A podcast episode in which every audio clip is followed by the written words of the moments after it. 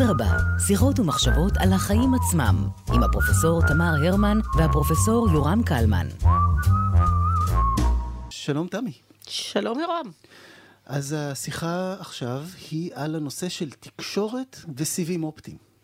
אז רגע, את זה אני לא מבינה. מפני שהנושא שלנו, נושא העל שלנו הוא זכוכית. אהה. אז איך סיבים אופטיים אה, סיבים נכנסים לעניין? יש בלב שלהם סיב דקיק, דקיק, דקיק של זכוכית. אני לא יודע הרבה יותר מזה, בשביל זה יש לנו פה את המומחה, את האורח, פרופסור אבישי אייל. אה, שלום. פרופסור אייל, שלום לך. הוא חבר סגל בבית הספר להנדסת חשמל של אוניברסיטת תל אביב, ותחום המחקר העיקרי שלו הוא סיבים אופטיים. אה, ויחד עם הסטודנטים שלו הוא חוקר ומפתח מערכות מבוססות סיבים, בעיקר לשימושים של חישה, שאני משער שאליהם נגיע בהמשך השיחה. אז אה, שלום אבישי, ו... אז סיב אופטי וזכוכית, מה, מה הקשר ביניהם? אוקיי, אז באמת, כמו שאמרת, סיב אופטי זה פשוט צינור של זכוכית, אה, דק מאוד אגב, הוא קצת יותר עבה מעובי של שערה. שנייה, אה, אני רוצה לשאול, שאתה אומר צינור, זאת אומרת שבמרכזו יש חלל? לא, אין אז הוא חלל. לא מקרוני, הוא ספגטי. הוא ספגטי. כן, הוא ספגטי. אה, הוא בעצם, אה, רובו אחיד, זאת אומרת, הזכוכית שלו אחידה, אבל במרכז, במרכז, יש ליבה, שהליבה הזאת במעט שונה מהסביבה שלה, וזה בעצם מה שעוזר לסיב לשמור את האור כלוא בתוכו. האור נשאר כלוא בליבה של הסיב. אגב, מבחינת ממדים, זה מעניין.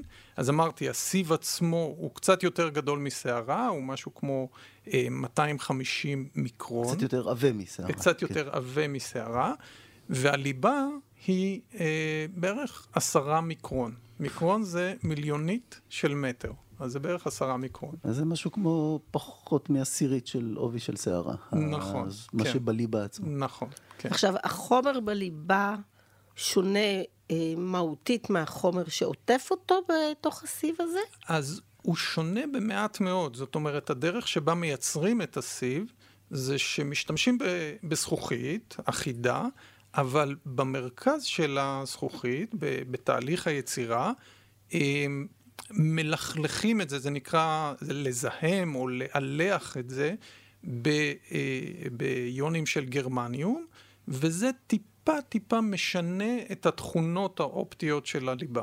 זאת אומרת, הסיב הוא די אחיד, אבל יש שם אה, שינוי בדבר שאנחנו קוראים לו מקדם השבירה של האור, וזה הופך את מקדם השבירה בליבה לטיפה יותר גדול מהסביבה. וזה מה שמאפשר לאור להישאר כלוא בתוך הליבה של הסיב האופטי. ותהליך הייצור, היכן הוא נעשה במעבדה שלכם, במקומות אחרים? אתם קונים את זה כתוצר? אתם מייצרים את זה בעצמכם? אוקיי, אז uh, אנחנו קונים סיבים אופטיים, אנחנו לא מייצרים סיבים אופטיים במעבדה. Uh, בעולם שלנו מייצרים הרבה מאוד סיבים אופטיים uh, כל הזמן. רק כדי להמחיש את זה, זה נתון שלדעתי הוא די מדהים. Uh, בכל שנה נפרסים בעולם שלנו 500 מיליון קילומטר של סיבים אופטיים. 500 מיליון קילומטר, להמחיש את זה, זה להקיף את כדור הארץ 12,500 פעמים. וזה קורה כל שנה אה, מבחינת כמות הפריסה של הסיבים רק בעולם. למושב שגרתי בו, הסיבים סירבו להגיע, אבל... גם לגבעתיים עדיין לא הגיעו. וגם לגבעת שמואל, אה, אצלי עדיין אין סיב אופטי בבית. עשרת אלפים פעם סביב לכדור הארץ ולא הגיעו כן. לגבעתיים. הם הולכים מסביב לקו המשווה, מגיעים לפריפריה. אז בואו נבין באמת מה- מה מה מוליך הצינור הזה בסופו של דבר. אז הצינור הזה מוליך אור, ובעצם כדי להבין למה הסיב האופטי כל כך אה, מוצלח ב- בעניין הזה של הולכת אור, אז צריך קודם להבין מה קורה לאור שהוא מתקדם מנקודה א' לנקודה ב'. אז אם אני לוקח פנס, ואני עכשיו מדליק את הפנס ונותן לאור להתקדם, אז יכולים לקרות כמה דברים שגורמים לעוצמה של האור לקטון. דבר אחד שאנחנו כולנו מכירים זה שאלומה מתרחבת, או זה נקרא מתבדרת. אה, אז זה דבר אחד. דבר שני, יכול להיות תופעה שאנחנו קוראים לה פיזור, שזה האור פוגש כל מיני חלקיקים בדרך ומתפזר לכל הכיוונים. והדבר השלישי זה בליעה, בליעה בתוך חומר. הבליעה של אור בחומר זה בעצם מה שנותן לחומרים את הצבע שלהם. אם יש לי חומר שהוא לדוגמה, נניח כמו הדם שלנו שהוא אדום, זה אומר שהוא בולע את כל שאר הצבעים ומשאיר את הצבע האדום. זה התופעה של בליעה. עכשיו, בסיב האופטי, למעשה אנחנו מתגברים על שלושת המנגנונים האלה שגורמים להקטנה של עוצמת האור.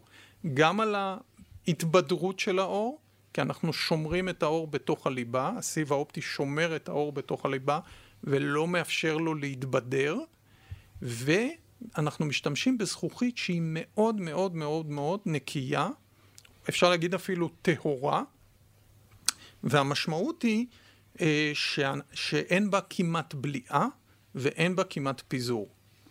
והתוצאה היא בעצם שהאור יכול לזרום בצינור הזה לאורך מאות ואלפי כן, קילומטרים. כן, שוב אני אנסה להמחיש את זה. אם אנחנו אה, מסתכלים על חלון, החלון שעשוי מזכוכית נראה לנו שקוף. אה, אבל אם אנחנו עכשיו אה, ניקח את החלון הזה ונסובב אותו וננסה להסתכל עליו מהצד, אז בדרך כלל מה שאנחנו רואים זה משהו גוון ירקרק כזה, והוא מאבד את השקיפות שלו. זה בגלל העובי. זאת אומרת, אם אני לוקח זכוכית רגילה אה, של חלונות, ואני אעשה ממנה חלון בעובי של אה, מטרים ספורים, היא תהיה אטומה לחלוטין, אנחנו לא נראה דרכה. אה, לעומת זאת, הסיב האופטי, אם אני אבנה ממנו חלון שה... או שהעובי שלו הוא 100 קילומטר, ואני אפתור את בעיית ההתבדרות, הוא כל כך, הזכוכית היא כל כך טהורה שעדיין יצא מהצד השני אור. זאת אומרת, הזכוכית היא מאוד מאוד מאוד נקייה, ואנחנו יכולים להכניס אור לתוך הסיב, ואחרי 100 קילומטר עדיין יוצא אור. אז... ומה החוזק של הזכוכית הזאת? אני מבינה שהסיב האופטי הוא עטוף במשהו, אתה לא משתמש בו בזכוכית כשלעצמה, אלא יש לו איזה מעטה. זה נכון. אה, זכוכית, זה, אנחנו יודעים, זה חומר שהוא שביר, ובוודאי אם לוקחים זכוכית ומדקקים אותה לעובי של אותם 250 מיקרון שדיברתי עליהם, אז בוודאי שזה שביר. לכן בתהליך היצירה של הסיב, אה, מיד אחרי שמותחים את אותו אה, סיב מה, אה, מהחתיכת זכוכית שהוא התחיל ממנה, אה, מיד שמים עליו אה, בתהליכים אה, כימיים, שמים עליו איזשהו מעטה, מעטה פלסטיק, ש, ציפוי ש, כזה. ציפוי פולימרי ששומר עליו. וברגע שמלבישים עליו את הציפוי הזה, הוא נהיה חזק הרבה יותר וגמיש, וזה לא סוף הסיפור, כי גם הדבר הזה, אף פעם לא פורסים אותו כמו שהוא בשטח, אלא הסיב המצופה נכנס, או מקבל עוד ציפוי, וביחד עם עוד סיבים נכנס לתוך דבר שנקרא כבל, ואת הכבל האופטי זה מה שבזק פורסים ברחובות שלנו, וזה כבר דבר משוריין וחזק. אני חושב שזה קצת דומה למי שמכיר uh, חוט חשמל, שרואים את הנחושת, כמובן זה נחושת הרבה יותר רבה, אבל רואים חוט דק של נחושת עטוף בפלסטיק, אותו דבר יש לנו נכון. חוט, חוט דקיק, דקיק, דקיק, דקיק של זכוכית, שעטוף בחומרים ש... נכון. שמגינים עליו. הכבל עצמו, הכבל שפורסים ברחובות, הוא כבר, יש עליו שכבות הגנה מאוד uh, רציניות, והוא, כן. והוא מאוד uh, עמיד. אז מה אפשר לעשות עם, uh, מה הדברים הראשיים שאפשר לעשות עם סיבי זכוכית, ואולי... ב... למה זה טוב יותר, מה, מה האלטרנטיבות ולמה זה טוב יותר? אוקיי. Okay. אז הדבר הראשון ש, שהשימוש הכי נפוץ אה, של הסיבים האופטיים, והוא עולה על כל השימושים האחרים, זה הנושא של אה, תקשורת בסיבים אופטיים. למעשה, היום אה, שיטת התקשורת אה, אולי הכי אה, נפוצה שיש, היא התקשורת בסיבים האופטיים. המתחרה הגדול שלה, המתחרה הגדולה שלה זה התקשורת הסלולרית, אה, אבל גם בתקשורת הסלולרית עושים בסופו של דבר שימוש בסיבים אופטיים. הסלולרי זה דרך האוויר. דרך האוויר, אבל זה עובר דרך תחנות, והתחנות עצמם, הממסרים עצמם מחוברים בסיבים אופטיים. אני רוצה רגע לשאת כאן הערת שוליים ולחבר לשני אה, נושאים שדנו בהם בפודקאסטים בעבר, שאולי יכולים לתת כאן אה, יותר אה, הבנה. אחד היה לנו על הנושא של הצבע ואיך רואים צבעים ולשקיפות, והשני היה על נושא של גלים. אה, בפיזיקה כש, כשדיברנו, ודיברנו בדיוק על הסוגים האלה של ההולכה, אה, ואולי מי שרוצה להקשיב גם לזה, אה, יוכל לחבר כדי להבין אם יש פה איזה שהן מובלעות, לא מובלות, שלא נוכל לדבר עליהן היום. אוקיי, okay, קודם כל זה מצוין מה שאמרת, כי באמת האור עצמו הוא גל. הוא גל, מה שנקרא גל אלקטרומגנטי, וזה אותו גל שמתקדם בתוך הסיב האופטי, וגם הנושא של הצבעים הוא מאוד מאוד חשוב, כי אה, אנחנו אה, משתמשים בעובדה שיש אור בצבעים שונים, כדי להגדיל את כמות האינפורמציה שאפשר להעביר דרך הסיב. זאת אומרת, במקום להשתמש רק בצבע אחד בתוך הסיב, אנחנו משתמשים בהרבה, ו- ובעצם מלבישים אינפורמציה על על הרבה צבעים שונים. עכשיו, כשאנחנו אומרים פה צבעים זה קצת מבלבל, כי בסיבים האופטיים עובר אור שאנחנו לא מסוגלים לראות אותו. אה, זה אור שנקרא אינפרה אדום, הוא אור שהעין האנושית לא רואה, אבל הוא לכל צורך ועניין הוא מתנהג כמו האור הרגיל שלנו, וגם שם אני יכול להבחין בין אה, צבעים שונים של אינפרה אדום ולהשתמש בהם על מנת אה, להגדיל את כמות האינפורמציה שאנחנו מעבירים דרך הסיב. אז, אז בואו, בלי להיכנס לתורת האינפורמציה, בכל זאת נסביר איך בכלל אור מעביר מידע. אה, אז כדי אה, להעביר מידע בעזרת אור, אה, אז בעצם מה שאנחנו עושים, אנחנו מלבישים את המידע על, על האור. איך מלבישים מידע על האור? אז קודם כל, צריך להבין שכל המידע בעולם שלנו שזורם בסיבים האופטיים, אנחנו מעבירים אותו בצורה של מה שנקרא ביטים. זאת אומרת, כל דבר אה, שאנחנו קוראים לו מידע, ניתן לתרגם אותו לביטים. זה, זה יכול להתחיל ב... אה, במידע כתוב שמתורגם ל, ל... לוקחים את האותיות ולכל אות מצמידים איזשהו קוד בינארי, קוד של אפסים ואחדים ומעבירים את זה, אבל זה יכול להיות גם הדיבור הזה שאני כרגע מדבר, שגם אותו ניתן בסופו של דבר להפוך לביטים, אם לאפסים. אתם מאזינים לפודקאסט, אז זה הפך לאפס ואחד. בדיוק. זאת אומרת, האפס הוא נניח אין אור, והאחד הוא יש אור. ואת זה אנחנו אה, מכניסים לסיב, כמו שאמרת. זאת אומרת, אה, בצורה קצת פשטנית, היום כבר עושים דברים יותר מתוחכמים, אה, אבל אנחנו, אם אני רוצה להעביר אחד, אז אני אשלח הבזק של אור. כשאני רוצה להעביר אפס, אז אני אשלח חושך. וכך אנחנו אור, חושך, חושך, אור, אור, חושך. ככה אנחנו מעבירים כמויות אינפורמציה מאוד מאוד מאוד גדולות. אז מה זה מאוד גדולות? לעומת נניח חוטי נחושת, או מה שאפשר להעביר בסלולר? אז, אז ה, ה, רק שוב, אני אנסה להמחיש את כמויות המידע האדירות שאפשר להעביר ב... הצינור הדקיק הזה, אותם, בליבה של הצינור הדקיק, באותם עשרה מיקרון. פרופסור אייל פה מקרב אצבע אחת לשנייה, מצמיד אותם בשביל להראות כמה זה דק, אבל אתם לא רואים את זה. אה, אז כדי להמחיש את זה, אה, אגב, כשאנחנו אומרים כמויות אינפורמציה, זה לא מדויק. מה שיותר נכון להגיד זה כמויות אינפורמציה ליחידת זמן. כי מה שחשוב זה הקצב שבו אנחנו מעבירים את האינפורמציה. ובסיב אופטי אנחנו יכולים להעביר קצבים מטורפים. למה אני מתכוון קצבים מטורפים? אה, אז שוב, אני קצת מפשט את הדברים, אבל אה, באותו, אה, באותה ליבה של סיב אני יכול להעביר טרה-ביט לשנייה. מה זה טרה-ביט לשנייה? הרי לכולנו יש מחשבים בבית, ולמחשב שלנו יש hard disk. וב hard disk הזה אנחנו שומרים את כל ההיסטוריה שלנו. אנחנו שומרים אה, סרטי וידאו, ואנחנו שומרים אה, קבצים שכתבנו, ותמונות, וכמויות אינפורמציה שלוקח לנו המון זמן לאגור אותם, ואנחנו יודעים כמה הרבה אינפורמציה יש בטרה-ביט, טרה-בייט של, אה, של hard disk, ואת כל הדבר הזה הסיב יודע להעביר בשנייה אחת. זאת אומרת, בשנייה אחת אני יכול לדחוס את כל ההארד דיסק שלי לתוך הסיב, והוא יצא מהצד השני של האוקיינוס. אז זה כמויות... כל ההקלטות של אדרבה, מתחילת קיומנו אפשר להעביר בשבריר שנייה. בקלי קלות, בקלי קלות. וצריך לקחת בחשבון שאנחנו לא פורסים אף פעם סיב בודד, אנחנו פורסים כבל, ובכבל הזה יש מאות סיבים, ולכן אנחנו עוסקים פה בתווך שבאמת יכול להעביר קצווי אינפורמציה באופן הרבה יותר מהיר מכל, מכל, אה, אה, מכל אה, שיטה מתחרה, בוא נגיד את זה ככה. ברור.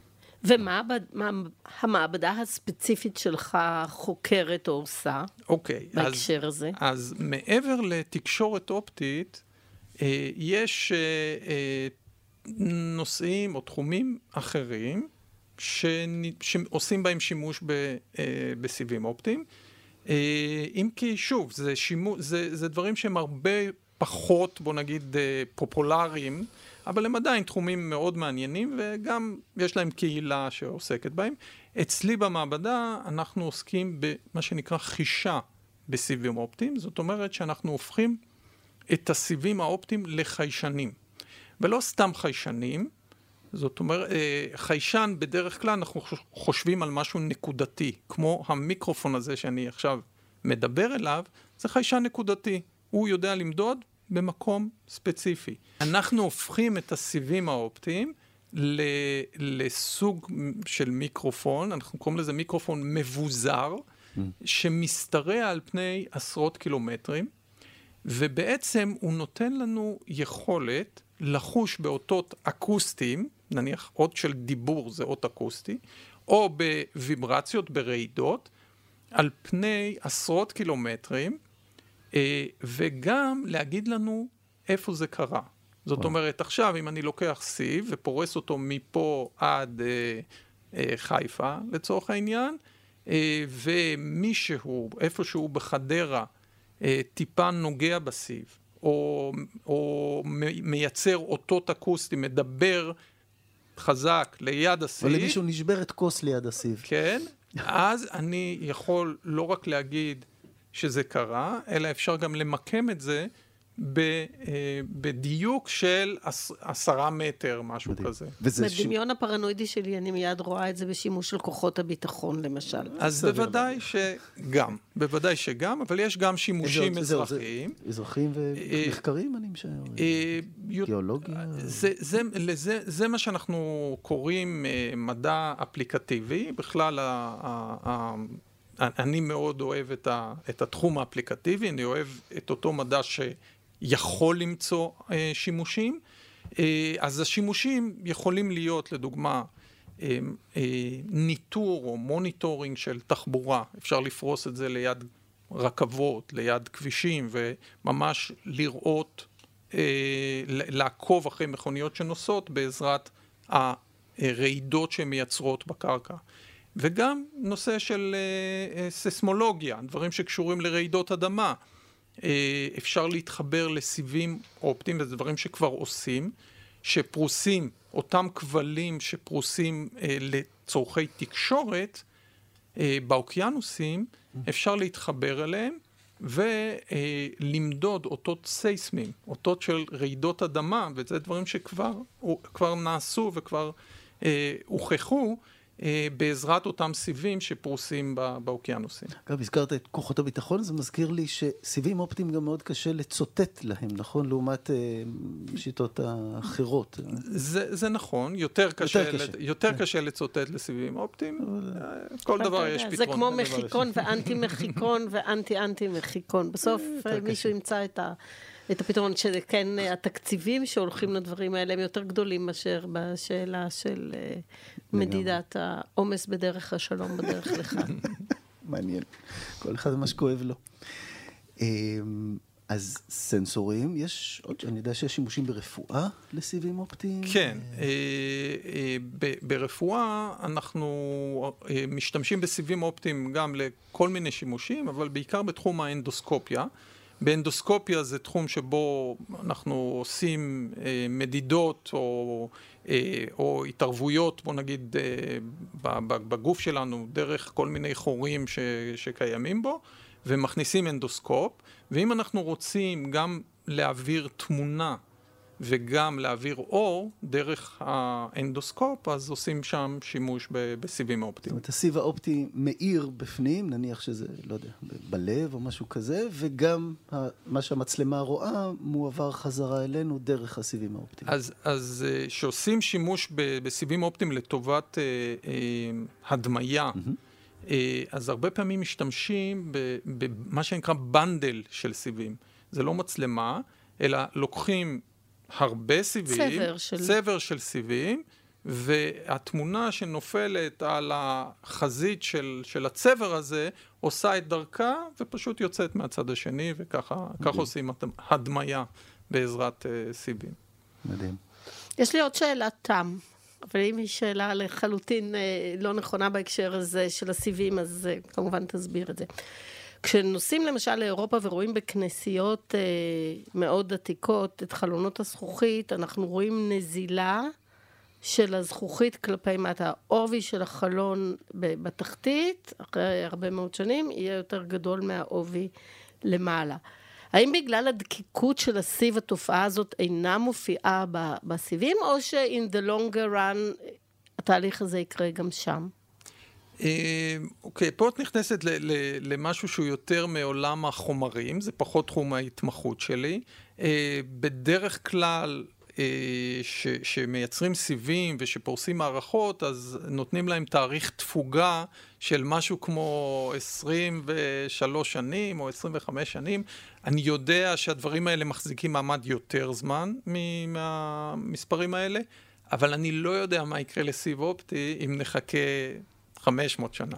ואגב, אני יודע שיש ויכוח האם באמת הם נוזלים אחרי מאות שנים, או שפשוט שיטות הייצור אז היו פחות טובות, ושמו אותם כך שהחלק עבה יותר למטה, ויש על זה ויכוח... אה, אה, בתחומי האומנות והידע ההיסטורי. כן, כן, כן, זה, זה כל העניין של ייצור זכוכית, אבל זה כבר יהיה לנו, יש שיחה אחרת באמת על התכונות הפיזיקליות והכימיות של זכוכית, כי זכוכית זה באמת חומר עם תכונות אה, מדהימות. אז אנחנו הגענו לסוף התוכנית שלנו. אני כן. לפחות למדתי הרבה מאוד. אני לא אסתפק יותר באמירה סיב אופטי. ואני לא אחשוב שזה, אתם זוכרים שפעם היה כזה קישוט כזה של סיבים שבסוף היו אורות בקצה, אז אני אבין שזה לא מה חיק... שמתכוונים זה, שאומרים. זה סוג זה, פלסטי, זה חיקוי בדיוק, פלסטי זה אגב סיב. סיב, סיב אופטי מפלסטיק, ויש גם סיבים אופטיים מפלסטיק עם שימושים משלהם. יש להם גם את היתרונות שלהם, וגם חסרונות, כמו תמיד. אני למדתי הרבה. פרופסור אייל, תודה רבה. שמחתי. תודה רבה. תודה לכם.